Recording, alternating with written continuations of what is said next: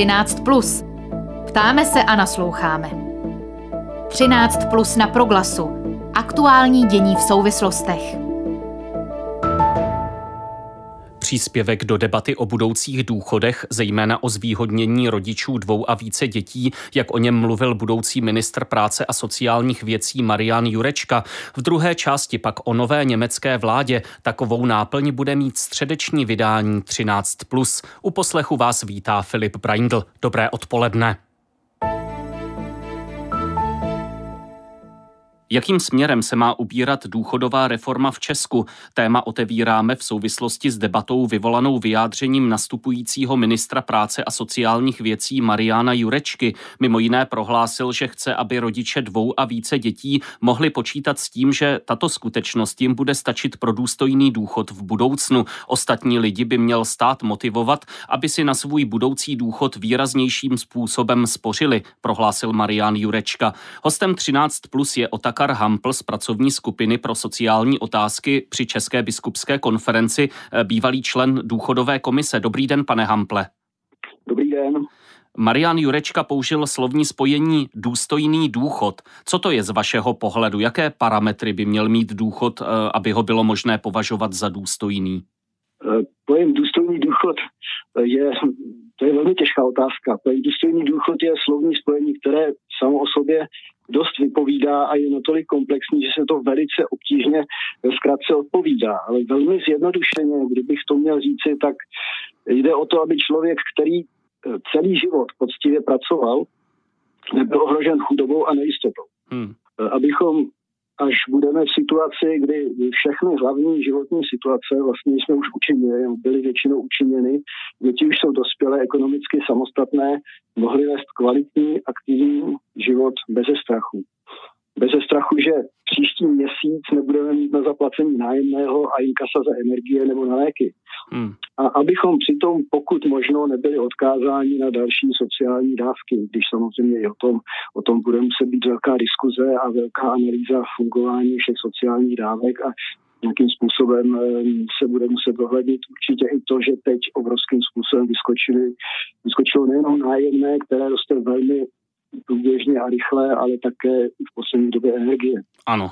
E... Ale zpátky, zpátky k tomu důstojnému důchodu jde o to, abychom e, se nemuseli bát, že nebudeme mít prostředky na to, že strávíme společně e, společnou dovolenou s dětmi, vnoučaty a nemusí to být zrovna nic v drahém zahraničí. Rozumím. Ale nicméně, jak říkám, je to, je to velice, hmm. velice nejednoduché. Tak Rozumím, já jsem, já jsem to, jako ano.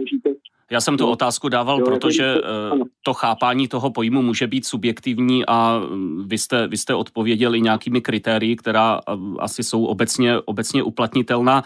Eh, pojďme teď k tomu no. současnému nastavení důchodového systému. Dá se podle vás mluvit o tom, že to nastavení je pro některou skupinu, třeba právě pro matky více dětí, nespravedlivé? No ano, o tom už se vede diskuze také, také dlouhou dobu a určitě je jednoznačné to, že to postavení rodin s dětmi, nejen, nejenom tedy matek, matky navíc jsou poškozeny i tím minulým systémem, jak, jak byl nastavený počet důchodů.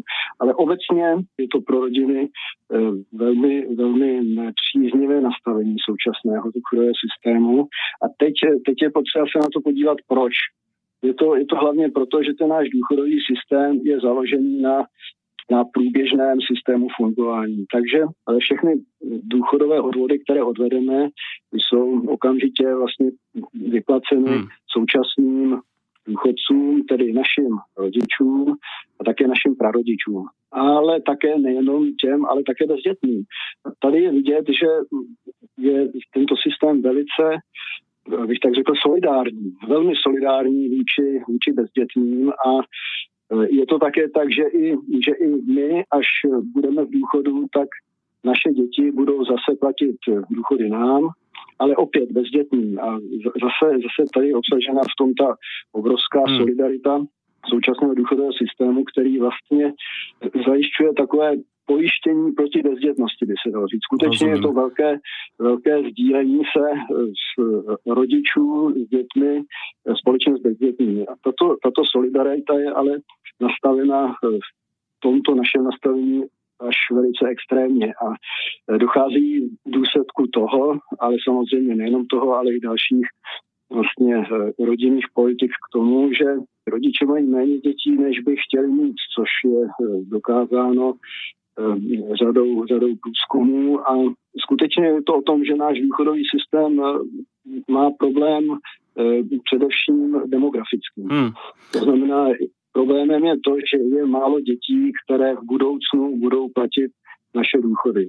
A právě proto je potřeba tam toto, tento způsob solidarity, který je nyní nastaven, přenastavit, nastavit ho mnohem více vyváženě, tak aby se ten nepříznivý demografický trend zvrátil. A to samozřejmě nejde jenom prostřednictvím důchodového systému, na to hmm. jsou další eh, otázky z, z oblasti rodinné politiky, ať už jde o řešení problematiky bydlení nebo, nebo otázky slev na daní a daňových prázdnin a dalších dalších věcí, podpory zkrácených úvazků, podpory všech možných eh, forem péče o předškolní děti.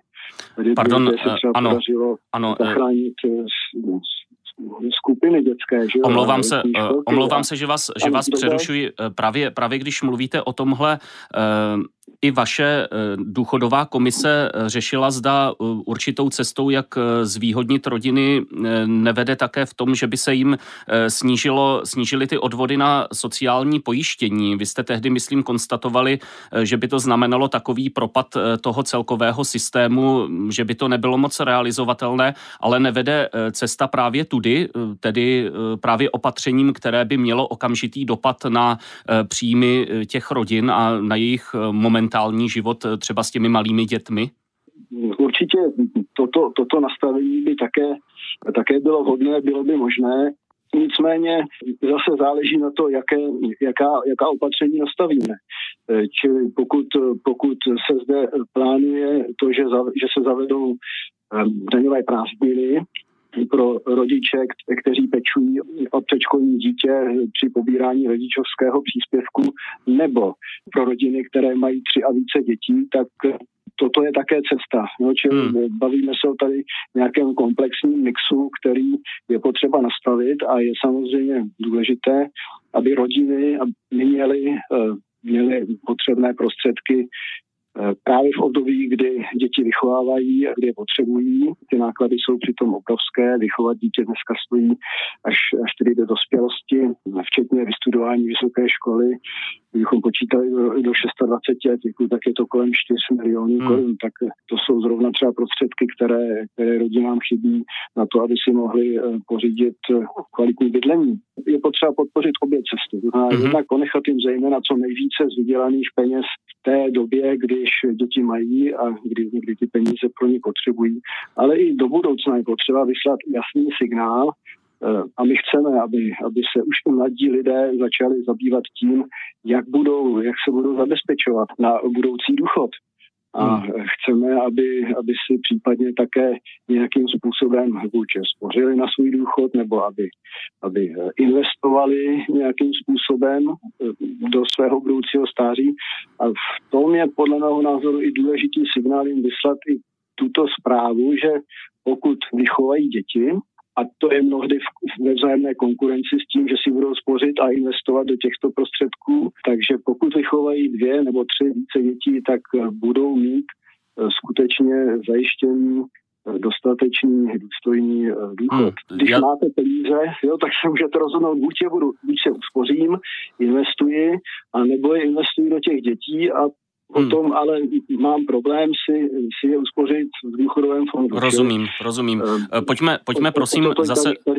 Ano, pojďme zase prosím o kruček dál. Eh, naším hostem je Otakar Hampl. Když jsem si pročítal různé debaty, které se objevily po tom výroku Mariana Jurečky, byly tam třeba argumenty, že bezdětní lidé také investují určitým způsobem do dětí, z jejich daní se platí školy a podobné věci. Nehrozí podle vás, že když budeme rozlišovat zvyšovat jen podle dětí, to, kdo má eh, nárok na důstojný důchod od státu, eh, tak tímto eh, určité solidární prostředí také narušíme? Tak tady zase je potřeba rozlišit, rozlišit dvě věci a já bych začal hned tou, řekněme, od toho konce, čili tam určitě, určitě nejde o to, aby bezdětní neměli důstojný důchod. To, to v žádném případě tak to být nemůže. Je potřeba stanovit už ten základní důchod tak, aby nějakým způsobem vyjadřoval základní ochranu před chudobou a ano. samozřejmě, že stále tam trvá ta zásluhovost za odvedené finance do systému a zároveň chceme, a to je, a to, je to, um, o co tady jde, tak chceme, chceme trochu více posílit zásluhové složky právě vůči, vůči rodinám s dětmi, mm-hmm. vůči kterým ten systém extrémně nesolidární, vlastně extrémně nespravedlivý. Jde tady o to, že rodiče nemají takové možnosti, jako ti bezdětní, kteří ty náklady ušetří, tak nemají možnost se zabezpečovat na důchod eh, jiným způsobem. Rozumím. Čili jde o to, aby toto bylo vyváženo a pokud hmm. bude více dětí, tak je to především dobrá zpráva i, i pro bezdětné, protože tím pádem bude více na důchody pro všechny a nebude se muset tolik přistupovat k dalším opatřením, jako by bylo případné uh, prodloužení uh, odchodu, hranice doby, pro odchod do důchodu. Ano. odchodu do důchodu a další, další prostě dopady. Ještě poslední otázka. Ano, e, ještě poslední otázka. Jak moc z vašeho pohledu tahle debata vůbec vystihuje celý problém kolem důchodové reformy? Vy jste zmínil, že e, ten demografický faktor tam, tam hraje e, velice silnou roli, ale nestojí ta otázka přece jenom více tak, zda už teď nehledat nové finanční zdroje pro to, aby bylo možné ten průběžný systém udržet i do budoucna právě s ohledem na ten, na ten demografický vývoj, eh, který se možná do jisté míry eh, dá těmito kroky korigovat, ale určitou tendenci zkrátka bude mít? Samozřejmě ten důchodový systém nebo jeho, jeho reforma je komplexní záležitost a pochopitelně se také hodně diskutuje o tom, že bude potřeba hledat i další zdroje, že to jednoznačně vyplývá už z toho současného demografického vývoje, jak, jak už teď je rozjetý.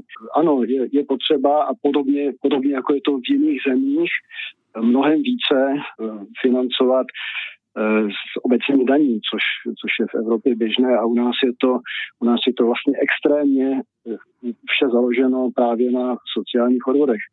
Takže to, to je samozřejmě jedna z věcí, ale druhá, druhá věc je i to, že je potřeba zvýšit i prostředky, které si lidé budou spořit na důchod hmm. sami. Ale přesto bych tam v tom zdůraznil, že naprosto klíčová otázka je právě ta otázka zahrnutí dětí a jejich výchovy jako zásluhové složky v rámci důchodového systému. A spolu s tím doplnit, pochopitelně, komplexní opatření eh, pro, v rámci rodinné politiky. Klíčové je přitom si opravdu, opravdu uvědomit to, že o tom, jak, jak do budoucna eh, bude fungovat eh, náš a nejenom důchodový systém, ale i i zdravotní systém a ostatní systémy mezigenerační solidarity, a to se týká i samozřejmě budoucího výběru daní nebo, nebo budoucí ekonomiky, jak u nás bude fungovat, tak tam se prostě bez dětí neobejdeme. Je to otázka vůbec celkové, celkové udržitelnosti společnosti, jestli společnost je schopná a ochotná vlastně vychovat tolik dětí, aby nevymírala. V tom si myslím, že že je ten, ten princip naprosto klíčový z hlediska důchodové reformy. Otakar Hampl z pracovní skupiny pro sociální otázky České biskupské konference a bývalý člen důchodové komise byl hostem 13 plus na rádiu Proglas. Děkuji za vaše odpovědi. Naslyšenou. No, děkuji vám také. Naslyšenou. 13 plus. Ptáme se a nasloucháme. Změna vlády v Německu. Dnes v Berlíně probíhají kroky předepsané pro ustavení nového kabinetu, volba kancléře ve spolkovém sněmu a jeho následné jmenování prezidentem Frankem Waltrem Steinmeierem, složení slibu a poté jmenování ministrů. Po 16 letech střídá kancléřku Angelu Merklovou sociální demokrat Olaf Scholz. Jeho strana po vítězství v zářijových volbách sestavila koalici se zelenými a svobodnými demokraty.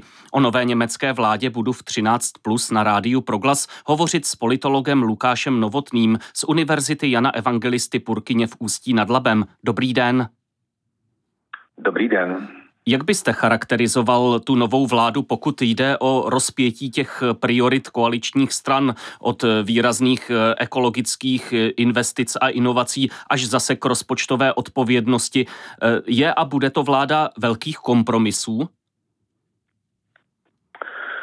Bude. Bude to muset být vláda velkých kompromisů, protože vlastně sociální demokracie která jí bude dominovat, tak samozřejmě bude muset eh, zohlednit eh, zájmy jak eh, strany zelených, tak samozřejmě i liberálů, středopravých liberálů z FDP, takže bude velmi zajímavé ty priority té vlády pozorovat a bude významné to pozorovat i z toho hlediska, že Olaf Scholz se opakovaně nechal slyšet, že vlastně nechce sestavovat vládu pro jednovolební eh, období, ale že by to měl být vlastně modernizační projekt v podstatě pro celá ta 20.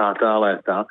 Takže i pro nás, jakožto pro sousední zemi Německa, bude skutečně zajímavé pozorovat to dlouhodobé uvažování Německa, tu dlouhodobou tendenci v oblasti ekonomiky, v oblasti eh, ochrany klimatu, ale i třeba dalších záležitostí, jako je zahraniční politika. Hmm. E, ty dvě menší koaliční strany, tedy Zelení a FDP, bývají charakterizované jako strany mladších a vzdělanějších voličů, možná by se dalo říci náročnějších. E, co z toho vyplývá e, pro nového kancléře, když má v koalici takto velmi silně vyprofilované strany, zároveň i očekávání vlastních voličů, jak to celé ukočírovat? No, řekl bych, že to pro něho bude skutečně velká výzva, eh, protože, C, protože SPD má uh, voliče spíše uh, vlastně starší a samozřejmě tohle to bude úplně nový pohled na politiku.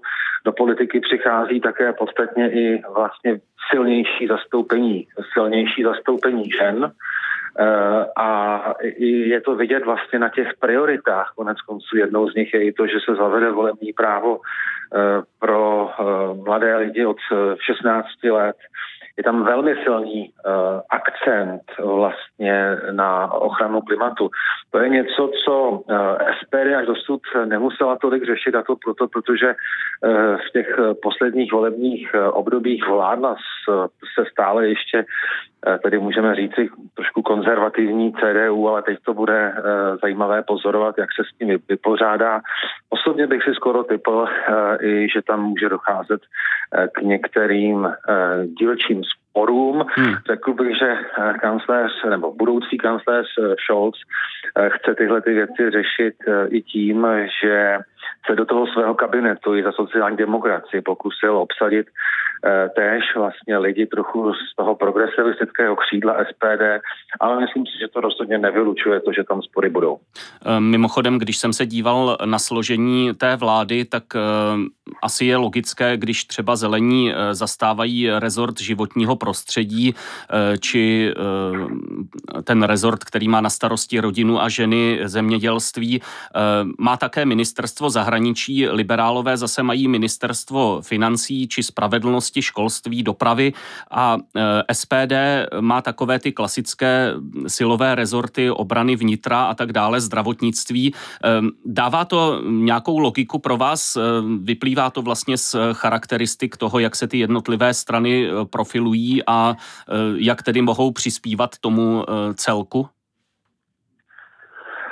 Dává mi to logiku, dává mi to logiku i právě díky eh, tomu vyjednávání, které bez zesporu muselo být eh, velmi složité. Pokud se podíváme například eh, na to, že jak zelení, tak FDP si třeba nárokovali post ministerstva financí a nakonec z pragmatických důvodů se vlastně ten post, ten post rozhodl, rozhodl Olaf Scholz tedy eh, dát Kristianu eh, Lidnerovi. Eh, když se zase podíváme na ta portfolia strany zelených, tak vidíme, že nejenom, že mají to ministerstvo, které asi usilovali nejvíc, čili post, post ministra životního prostředí, ale i to nové superministerstvo, které vede jeden z těch dvou předsedů strany zelených, tedy Robert Habeck, to ano. superministerstvo hospodářství, tak se formálně bude nazývat vlastně ministerstvo hospodářství a ochrany klimatu. Takže vlastně u zelených vidíme, že de facto mají něco jako dvě ministerstva, která mají tedy dáno do vínku právě tu agendu ochrany klimatu a životního prostředí. S politologem Lukášem Novotným hovoříme v 13 plus o předání vládní moci v Německu. E, teď ke křesťanským demokratům, kteří po 16 letech e, hlavní vládní strany odcházejí do opozice a také po neúspěchu Armina Lašeta hledá CDU nového lídra. E, jak se podle vás bude právě CDU v opozici profilovat? Očekáváte třeba určitý návrat k pravici, když to řeknu zjednodušeně? Asi ano, asi budou muset a budou k tomu přinuceni, protože ta vlastně druhá uh, pravicová strana FDP tedy bude vládnout v dominantní levicovém kabinetu. V tomto CDU bude mít uh, bez sporu uh, jednodušší. Na druhou stranu na CDU prostě čeká celá řada, řekl bych, domácích úkolů. Tím jedním skutečně bude najít velmi silného lídra. I tady vlastně ještě bude muset kousnout eh, CDU, CSU eh, do velmi kyselého jablka, protože teď se do toho samozřejmě uh, moc potenciálních uh, adeptů nežené. No a samozřejmě budou muset i vlastně přenastavit si své programové priority za Angely Merklové. Ta strana byla hodně bych, středová a některé ty pravicové priority do značné míry popírala. Teď si myslím, že je na místě skutečně se k ním vrátit, ale zároveň by měla volit takové programové priority, které budou pravicové, ale které budou moder, moder, hmm. moderní, moderně pravicové. Rozumím. Je to velká výzva, řekl bych, ale prostě CDU teď bude mít eh, nějakou dobu na to, aby se s tím popasovala. Co očekávat od Angely Merklové? O její názory na různé věci asi bude zájem. Jak se k tomu podle vás postaví? Tak eh, Angela Merklová v podstatě vlastně uh, končí. Tam já si myslím, že uh, i to nové vedení uh, bude chtít se od Angely Merklové do značné míry prostě odstřihnout, protože ona ta politika CDU, ta opoziční politika CDU skutečně bude muset v mnoha, bude, bude muset být v mnoha ohledech jiná, než je tomu v případě vlastně té stávající vlády, která konec konců vládla Olafu Šolcovi se říká, že to byly velmi blízký spojenec Angely Merkelové. On byl ministr financí její vlády, ano. Bývalý, bývalý americký jeden z bývalých amerických velvyslanců v Německu označil Olafa Scholze za nejnudnějšího Němce, kterého vlastně kdy potkal. Ono to tak trochu může vlastně platit i o Angele Merklové, o tom jejím politickém stylu. A teď bude zapotřebí skutečně, eh, aby se dočela té strany, která je v mnoha ohledech velmi dezorientovaná. Dostal někdo, kdo bude charismatický a kdo bude schopen eh, té straně dát skutečně nějakou novou tvář a nějaké nové charisma. Eh, ještě jedna věc, eh, co znamená změna vlády pro pozici Německa v mezinárodní politice či v eh, Evropské unii? Vidíte tam směřování v určité kontinuitě na tu éru Angely Merklové? No, tady si myslím, že skutečně můžou nastat některé zajímavé posuny, protože samozřejmě Evropská unie a obecně zahraniční politika bude, nebo zahraniční, nebo mezinárodní vztahy budou velmi intenzivně sledovat ty trendy, které se budou odehrávat v Německu. To bez zesporu je zapotřebí si uvědomit, že novou ministriní Eh, zahraničních věcí bude eh, jedna z těch, jeden bude, bude předsedkyně strany zelených, paní Berboková. To je vlastně v podstatě v těchto věcích velmi neskušená politička, hmm. která ale bude muset uh, velmi rychle nastoupit a vést diskuse s klíčovými aktéry světové politiky, včetně amerického prezidenta, ruského prezidenta.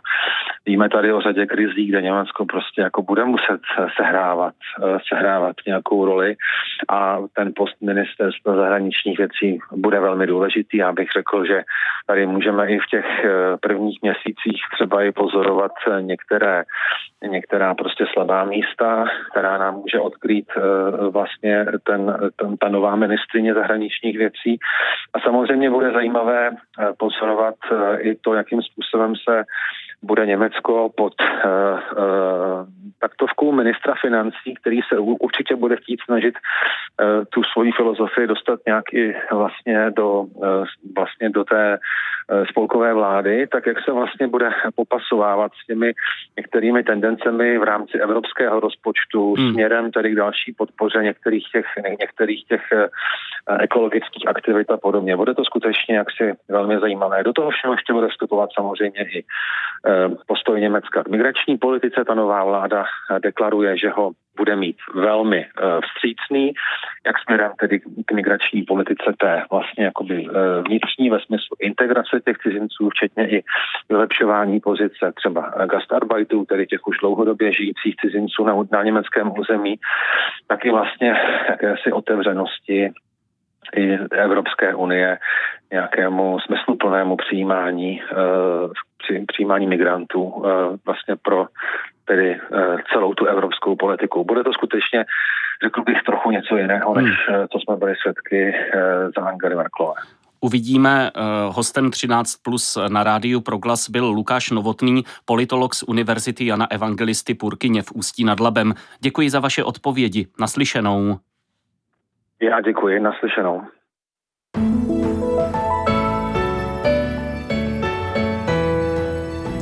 A 13 plus ve středu 8. prosince končí. Připravili ho Jaroslava Otradovcová a Filip Braindl. U zítřejších rozhovorů vás po 13. hodině přivítá kolega Ondřej Havlíček.